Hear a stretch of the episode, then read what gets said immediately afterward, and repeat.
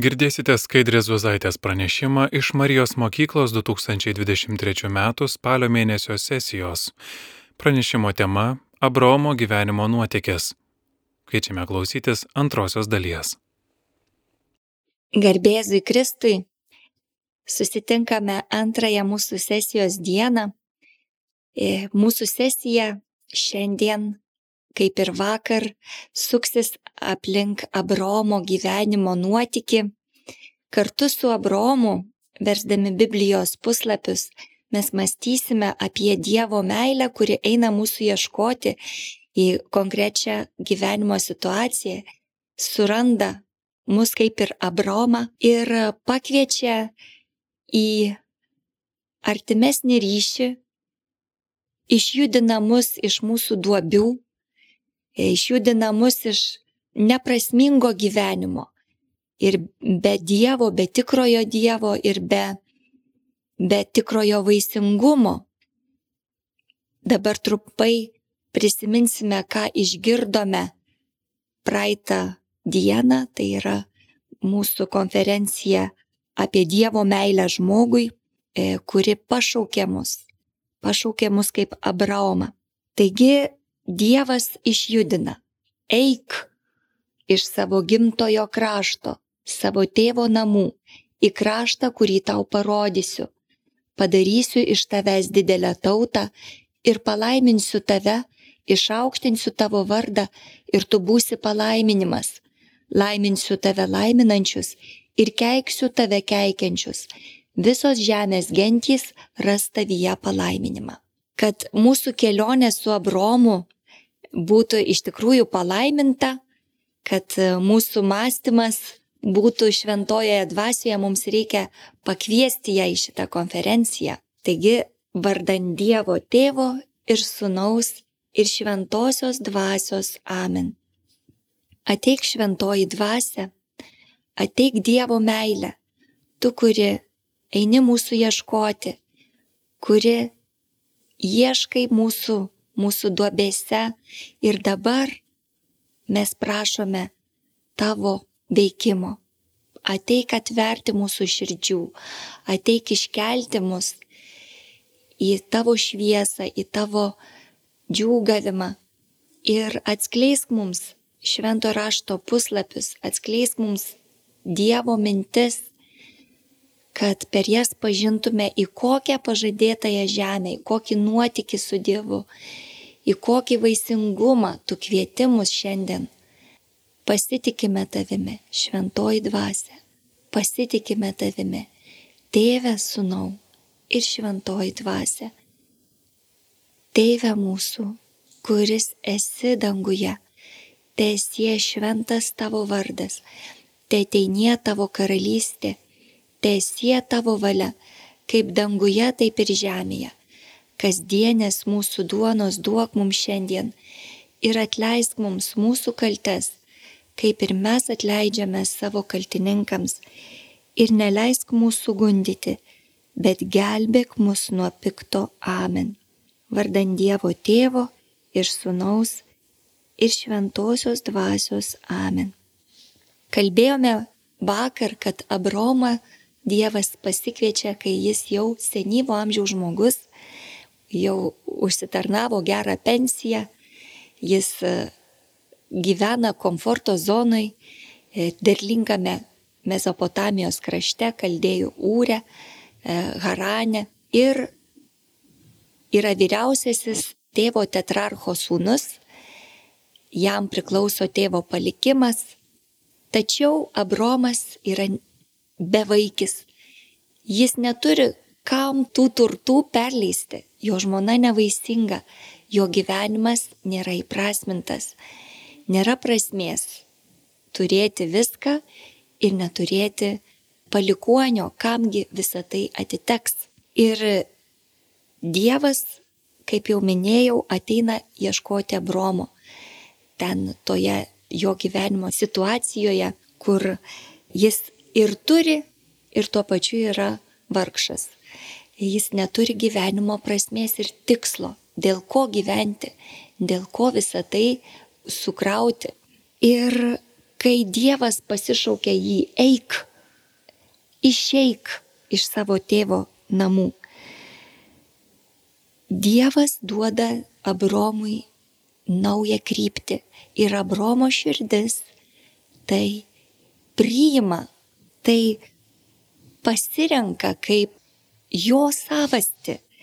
Jo gyvenime ta kryptis įgyja įprasminimą. Dabar jis siekia tos pažadėtosios žemės, to naujo, uh, naujo poilsio, į kurį Dievas jį pakviečia. Galų gale mes matėme, kad toji pažadėtoji žemė yra Dievas pats. Tai jis yra mūsų tikrasis poilsis, mūsų kelionės tikslas, galutinė stotelė. Ir Abromas ar sąmoningai, ar nesąmoningai eina į tai. Negana to, Abromas pakeliui gauna pažadą susilaukti palikuonių, gausesnių negu žvaigždės danguje, gausesnių negu smiltys pajūryje. Jo tikėjimas bręsta ne per vieną dieną. E, jis tiksliai nežino, kur ta žemė, jam nepasakytas jos vardas iš pradžių, su kiekvienu žingsniu vis po truputį atsiskleidžia Dievo planas. Ir vis po truputį ryškėja, kaip išsipildys tas Dievo pažadas duoti jam palikuonį. Dievas sudaro sandorą su Abromu. Apie tai skaitome ir 15 ir 17 skyriuje. 15 skyriuje Dievas sutvirtina savo sandorą su Abromu per didį antgamtinį įvykį, kur Abromas aukoja gyvūnus perkirstus perpus. Tai buvo tų metų paprotys e, ir pagal tą paprotį aukotojas ir tas, su kuriuo jis sudaro sandorą, turėtų pereiti per tų gyvūnų vidurį. Iš vienos pusės ir iš kitos pusės yra perkirsti gyvūnai ir du sandorą sudarantys asmenys eina e, per vidurį, tai pasižadėdami, tegul nutinka man taip, kaip tiem gyvūnam, jeigu aš savo įsipareigojimo nelaikysiu. Tai šitos sutarties metu Abromas, žinodamas, kad Abromas yra žmogus, o, o žmonėms būdinga dėl silpnumo kartais tų įsipareigojimų nelaikyti. Vietoj Abromo pereina du kartus ir kaip degantis fakelas, ir kaip ugnis žaryjose. Tokiu būdu liepsnojantis e, deglas Ir tas rūkstantis žarijų indas yra simboliai, kad Dievas ne tik už save įsipareigoja laikytis šitos sutarties, bet jis ir už Abraomą šitą sutartį įsipareigoja laikytis.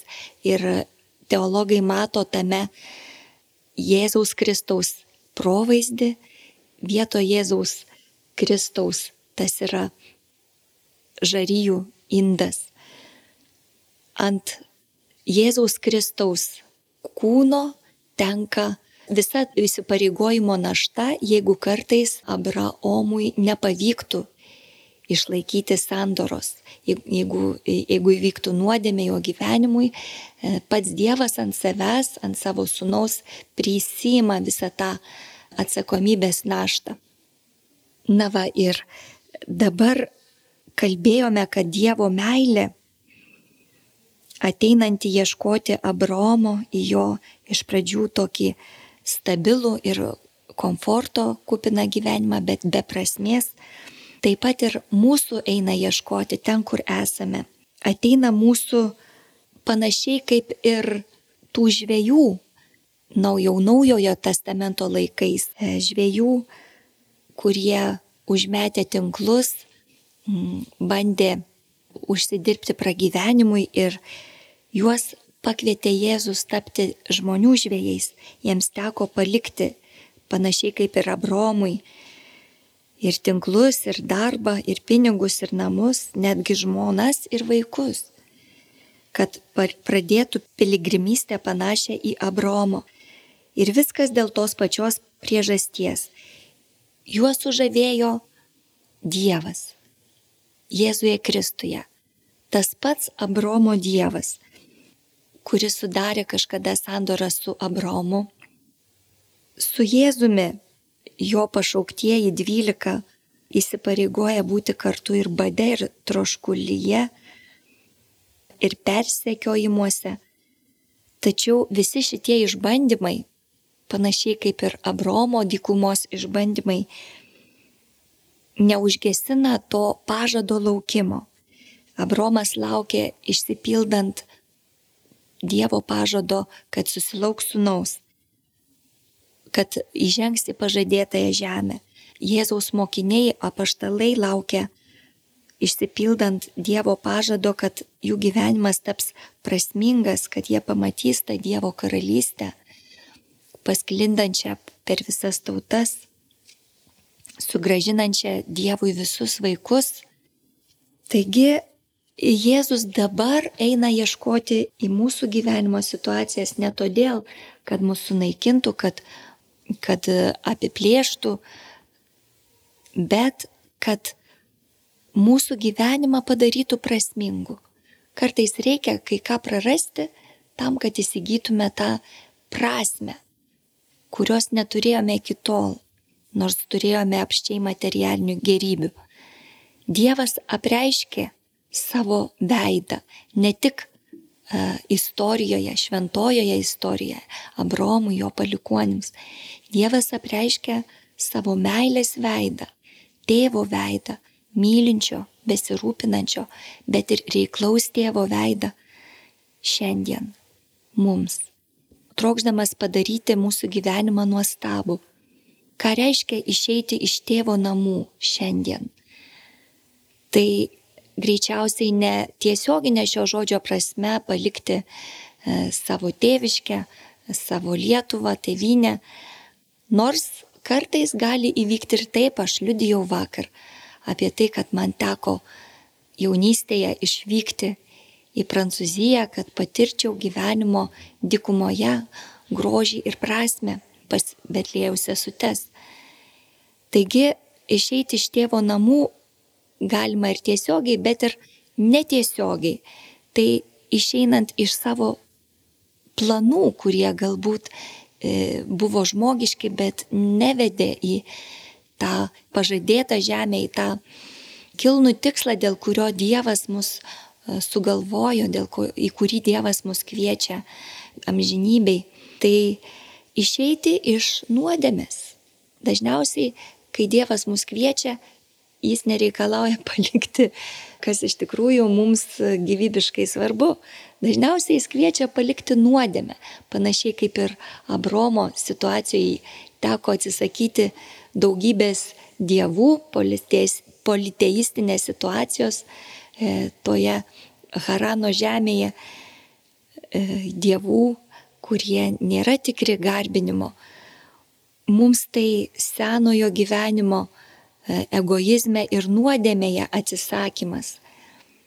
Ir Dievas kviečia, o iš mūsų pusės yra atsiliepti, žengti pirmąjį žingsnį į nežinę, iš pradžių į nepatogumą, galbūt pakeičiant gyvenimo stilių, kaip ir Abromas iš e, klajoklio, atsiprašau, iš žemdirbio tapo e, gyvulių augintoju, iš stabilaus gyvenimo propaguotojo tapo nobadų. E, mums tai siejasi su piligrimystės dvasia. Tai Abromo pokytis, tas išėjimas ir tapimas klajoklių, tapimas piligrimų nebuvo e, vienu kartu atsisakymas nuodėmingo gyvenimo. Tai buvo progresyviai išėjimas e, iš to e, nuodėmės prielipo, kuris dar ilgai persekiojo Abromą jo kelyje. Ir šiandien mūsų tolimesnės konferencijos pavadinimas e, taip ir vadinsis Abromo nuodėmė. Ta nuodėmė, kuri pasireiškė e, ir Egipte, ir vėliau sugrįžus į Kanano žemę. Ir mes dabar apie tai skaitysime pradžios knygos 12 skyriuje 9-20 eilutės. Po to Abromas tarpai sustodamas keliavo Negebo link. Krašte kilo badas. Abromas kėlėsi į Egiptą gyventi kaip ateivis, nes badas krašte buvo nuožmus. Prieš pat įeinant į Egiptą, jis kreipėsi į savo žmoną Sarają. Žinau, kokia tu graži moteris. Egiptiečiai tave pamatę, pamanys. Tai jo žmona. Mane jie užmuš, o tave paliks gyvą. Tad prašyčiau sakyti, jog esi mano sesuo, kad per tave man būtų gera ir tavo dėka išlikčiau gyvas. Abromui įėjus į Egiptą, egiptiečiai matė, kad moteris buvo labai graži. Ja pastebėję, faraono dvariškiai labai išgyrė faraonui. Moteris tada buvo paimta į faraono šeimyną. Per ją Abromui gerai sekėsi Jis įgyjo jaučių, avių, asilų, vergų ir vergių, asilų ir kupranugarių.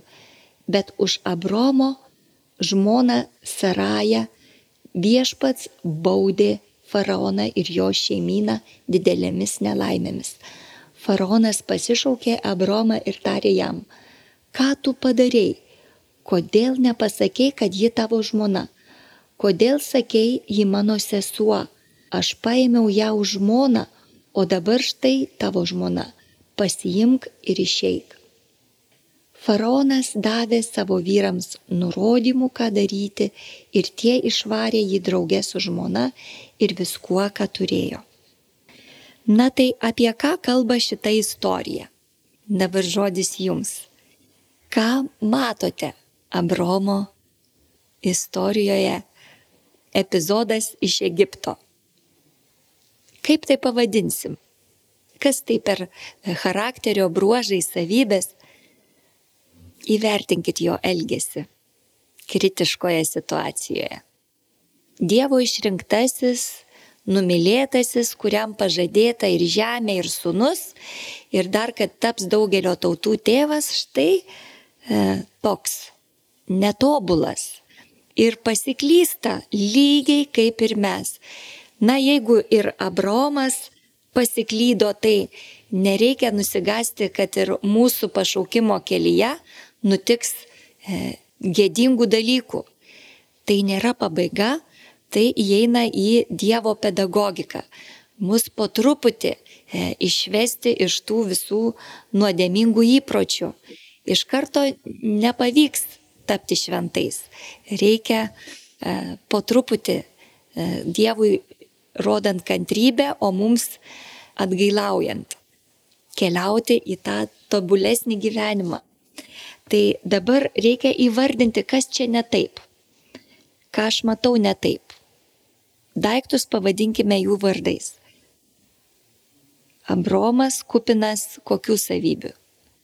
Nu visų pirma, kai pas faraoną nepasakė, kad jo pusėserė Saraja yra dar ir jo žmona. Kodėl jis to nepadarė? Skaitome, mane jie užmuš, o tave paliks gyvą, pamatę, kad tu, tu tokia graži ir dar esi mano žmona.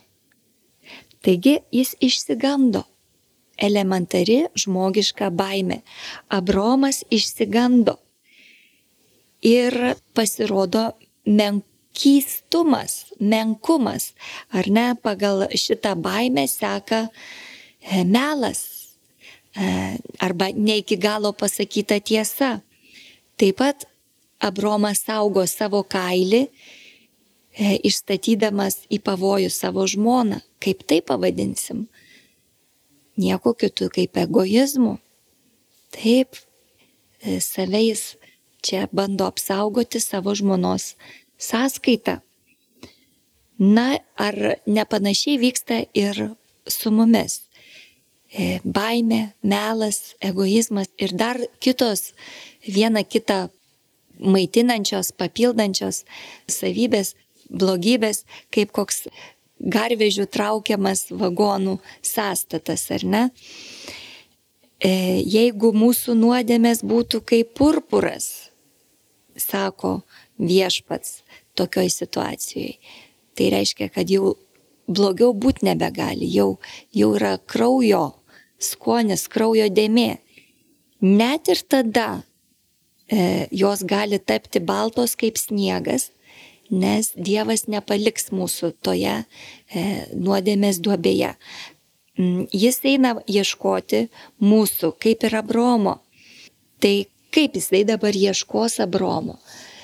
Kadangi Saraja brangi lygiai tiek pat, kiek ir Abromas, Dievui ji tokia pat brangi. E, minėjau, kad jos vardas iš pradžių buvo Saraja, mano princesė, tai čia e, Abraomo princesė, suprask. Vėliau Dievas pavadina Sarają tiesiog Sara, kad parodytų Abromui, kad jinai yra labiau Dievo princesė negu jo. Taip yra brangi Dievui Saraja. Sara. Ir jis ištinka faraoną bausmėmis, didelėmis nelaimėmis. E, praėjo laiko, kol faraonas suprato, kokia to priežastis, Saraja yra Dievo nuosavybė, o staiga atsidūrė tarp, e, tarp e, jo vergių ir tarnaičių, jo hareme. Mm, ji yra Dievo ir Abromo taip pat. E, ji yra teisėta Abromo žmona, todėl neturi būti liečiama net ir faraono. Ir faraonas davė savo E, vyrams nurodymų, ką daryti, jie išvarė jį draugę su žmona ir viskuo, ką turėjo. Taigi, e, kur Abromas sudeda ginklus ir gėdingai deda į krūmus, e, Dievas kaip herojus eina Saros ieškoti ir ją išgelbsti iš faraono nagų. Ir istorija baigėsi gerai. Šiuo atveju, ar Abromas išmoko pamoką, ar jis daugiau taip niekada nebedarys, kaip manote? ar jau taps kilnesnis ir, ir vyriškesnis, kai pateks irgi į panašią kritišką situaciją. Na, dėja, ne. Situacija dar kartą kartosis, bent jau Biblija apie tai rašo dar vieną kartą. Mes nežinom, kiek kartų tie kartojosi iš tikrųjų, bet Biblijoje apie tai skaitysime dar ir 20 skyriuje. Abromo ir Abimelecho susidūrimas. Paskaitykime 20 skyrius nuo 1 iki 18 eilutės. Iš ten Abromas iškeliavo Negebos ryties link ir įsikūrė tarp Kadešo ir Šūro. Gyvendamas Gerarę kaip ateivis, Abromas sakė apie savo žmoną. Ji mano sesuo, užtat Geraro karalius Abimelechas ją parsigabeno savo. Naktį sapne Dievas atėjo pas Abimelechą ir sakė jam, tu mirsi dėl moters, kurią pasiemi, nes tai ištekėjusi moteris. O Abimelechas dar nebuvo jos palietęs, todėl tarė viešpatie, argi tu pražudytum nekaltą žmogų, argi ne jis pats man sakė, ji mano sesuo, ir ji pati patvirtino, jis mano brolis. Kai tai padariau, mano širdis buvo dora ir rankos nekaltos. Tuomet sapne Dievas atsakė jam, Taip, aš žinojau, kad tu tai darai dora širdimi ir nekaltomis rankomis. Be to, aš pats sulaikiau tave, kad nenusidėtum, todėl ir neleidau tau jos paliesti. Dabar sugražink vyrui žmoną, jis pranašas, todėl tave užtars ir liksi gyvas. Bet jei nesugražinsi, žinok, kad tikrai mirsi. Pražūsi pats ir visa, kas tau priklauso. Abimelechas atsikėlė anksti rytą, susišaukė visus tarnus ir papasakojo jiems visą, kas buvo įvykę. Žmonės buvo baimės priblokšti. Tuomet Abimelechas pasišaukė Abraomą ir tarė jam, ką tu padarėjai, kuo aš tau nusidėjau, kad užtraukiai tokią didelę kaltę man ir mano karalystiai. Padarėjai man dalykų, kurie neturėtų būti daromi.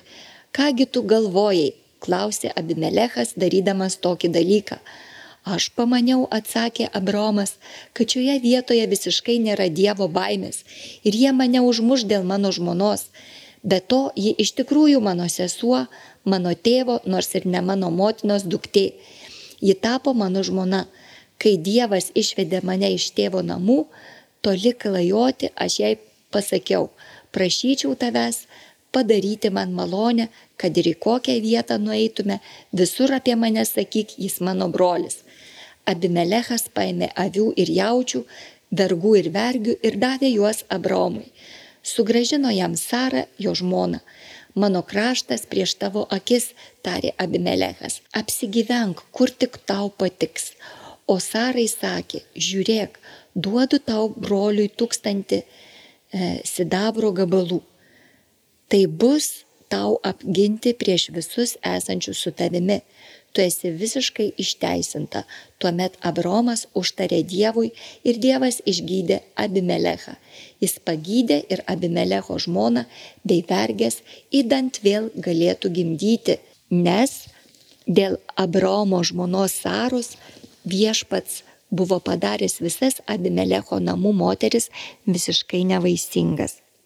Mes tikrai žavimės Dievo auklybą per šituos puslapius. Kai Abromas deda į krūmus, pasiduoda silpnumui, e, Dievas ištaiso e, jo klaidą ir netgi prabyla į Abromo sąžinę per karalių Abimelechą. Kokią puikią pamoką e, Abromas išgirdo iš Abimelecho lūpų. Man atrodo, kad šioje vietoje jis irgi gavo pranašystės dvasę, nors pranašas Abromas, bet staiga Abimelechas prabyla paties Dievo E, žodžiais, ar ne, išbara Abromą, kaip tu taip galėjai, ar ne. Ir Abromas e, tikriausiai e, mušėsi į krūtinę po tokių, po tokių karčių žodžių savo atžvilgių ir daugiau taip nebedarė. Tikėkime, taip nebedarė. Na va, taigi Dievas eina ieškoti, taisyti, kelti iš bėdos ir, ir iš nuodėmės, mokyti kitų elgesio būdų, e, pateikti kitų elgesio modelių. E, ir apsireiškia Abromui kaip ištikimas. Tose situacijose, kur Abromas nėra ištikimas, leidžiasi į kompromisą, Dievas pasirodė ištikimas. Tikrai laikosi sandoros, ar ne? Ant savęs užsikrauna Abromo, Abromo, taip sakant, atsakomybės ir eina kartu toliau, eina kartu toliau. Dabar turime dar vieną situaciją, kur e, Abromas e, parodo savo silpnumą ir nusideda. Šį kartą pasiekmes būna labai skaudžiaus. Skaitysime pradžios knygos 16 skyrių nuo 1 iki 16 eilutės. Kad e, pamokytų gero elgesio kartais reikia patirti labai skaudžias pasiekmes. Abromo žmona Saraja nebuvo pagimdžiusi jam vaikų. Čia jau po to, kai jie gavo pažadą, kad susilauks palikuonių, E, to pažado, jau minėjau, reikėjo laukti dar 15 metų. Ir Sara ėmė nekantrauti.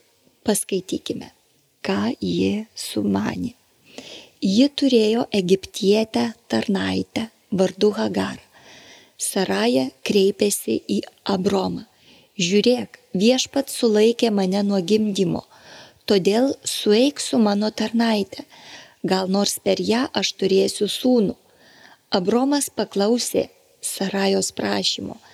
Taigi tada, kai Abromas buvo išgyvenęs dešimt metų Kanano krašte, Abromo žmona Saraja paėmė savo egiptietę tarnaitę Hagarą ir davė ją savo vyrui Abromui kaip žmona. Jis suėjo su Hagara ir ji pastojo Pamačiusi, kad tapo neiščia, ji ėmė žiūrėti į savo šeimininkę su panieka. Tuomet Saraja tarė Abromui, tu kaltas dėl mano daromos kriaudos. Dabar e, daviau savo tarnaitę tau į, klė, į glėbį, o ji, pasijutusi neiščia, žiūri į mane su panieka. Te būna viešpats tavo ir mano teisėjas. Abromas atsakė Sarajai, tavo tarnaitė tavo rankose, daryk su ją, kas tau tinka. Saraja tad su ją taip širkščiai elgėsi, kad ši nuo jos pabėgo. Viešpaties angelas atsirado, atrado ją prie vandens šaltinio dykumoje, prie šaltinio pakeliui į šūrą ir tarė, Hagara, Sarajos vergė, iš kur ateini ir kur eini. Ji atsakė, bėgu nuo savo šeimininkės Sarajos. Viešpaties angelas tarė jai, grįžk pas savo šeimininkę ir paklusk jos širkščiai rankai, nes kalbėjo toliau jai viešpaties angelas, padarysiu tavo palikuonis tokius gausius, kad jie per daugumą bus nesuskaitomi. Viešpaties angelas tęsė sakydamas jai, žiūrėk, tu esi neščia ir pagimdysi sūnų, pavadinsi jį Izmaeliu, nes viešpats išgirdo tavo sielvarto šauksmus, jis bus smarkus žmogus, ranką pakėlęs prieš visus, o visi prieš jį. Pykdamasis jis su visa giminė gyvens. Su ją kalbėjusi viešpatį ji taip pavadino. Tu esi matymo dievas, sakė ji, nes argi aš iš tikrųjų mačiau Dievą ir pamačiusi išlikau gyva. Todėl šaltinis bus pavadintas šaltiniu gyvojo, kuris mane mato. Jis yra tarp Kadešo ir Beredo. Hagara pagimdė Abromui sūnų, sūnų, kurį jam pagimdė Hagara, Abromas pavadino Izmaeliu. Abromas buvo 86 metų, kai Hagara jam pagimdė Izmaelį.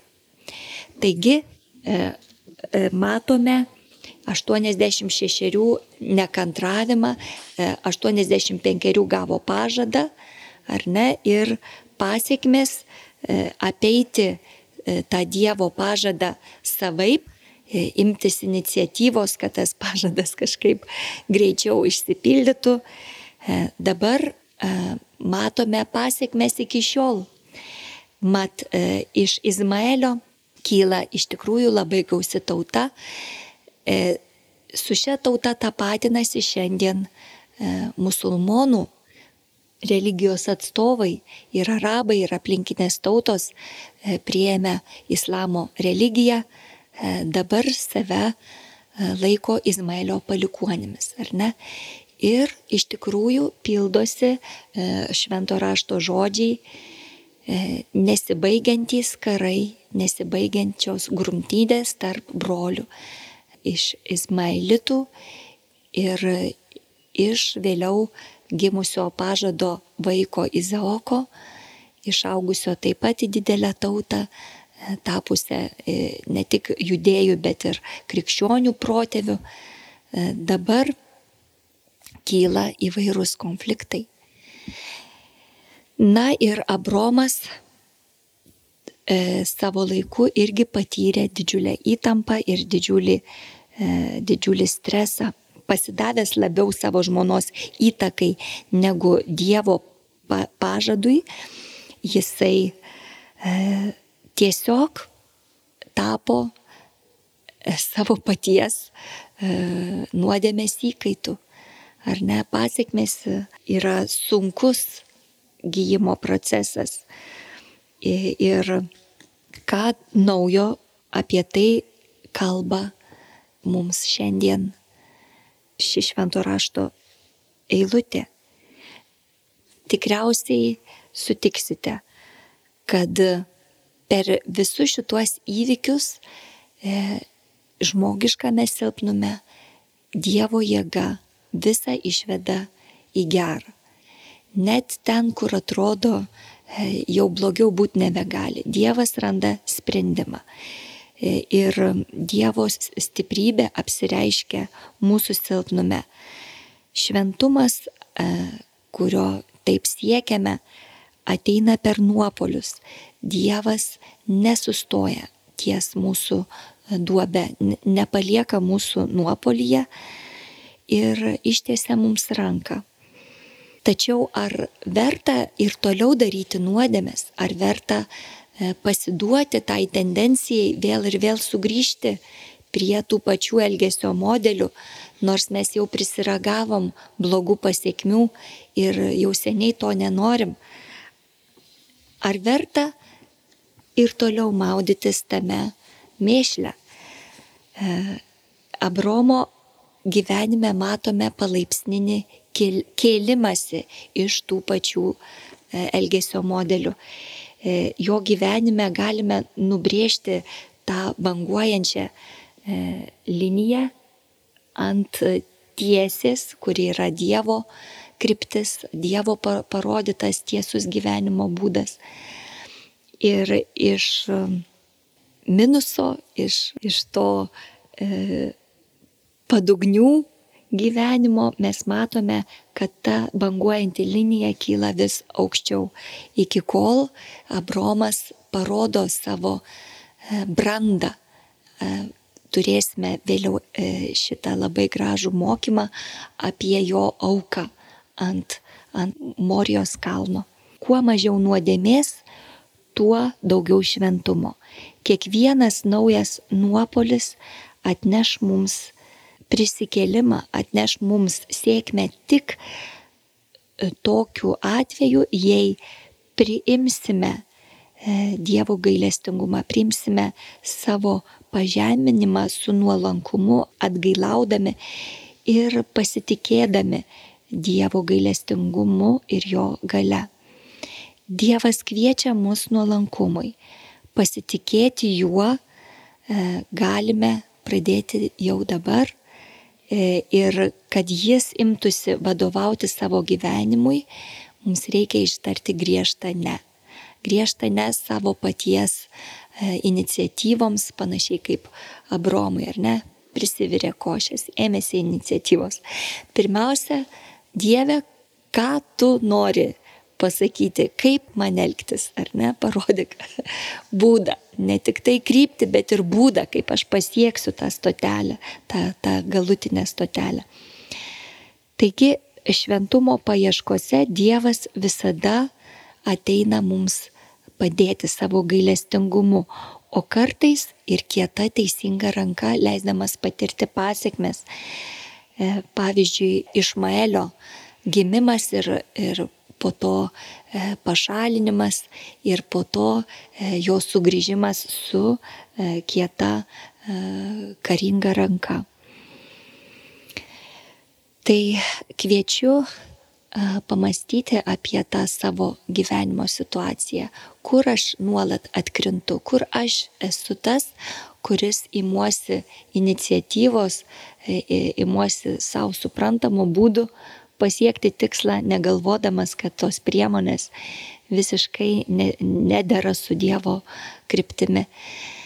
E, tai dabar kviesiu atgailos maldai, kviečiant į tą situaciją, pasigailėk mūsų Dieve, pasigailėk mūsų, pasigailėk mūsų Dieve ir ateik mums padėti. Viešpatie, pažvelk į mano mažumą, nepaniekink mano silpnybės, aš pasitikiu tavo gailestingumu. Kyrie Eleison. Viešpatie pasigailėk. Vardant Dievo tėvo ir sunaus ir šventosios dvasios Amen. Girdėjote Skaidrės Zuozaitės pranešimą iš Marijos mokyklos 2023 m. spalio mėnesio sesijos. Pranešimo tema Abromo gyvenimo nuotykis. Klausėtės antrosios dalies.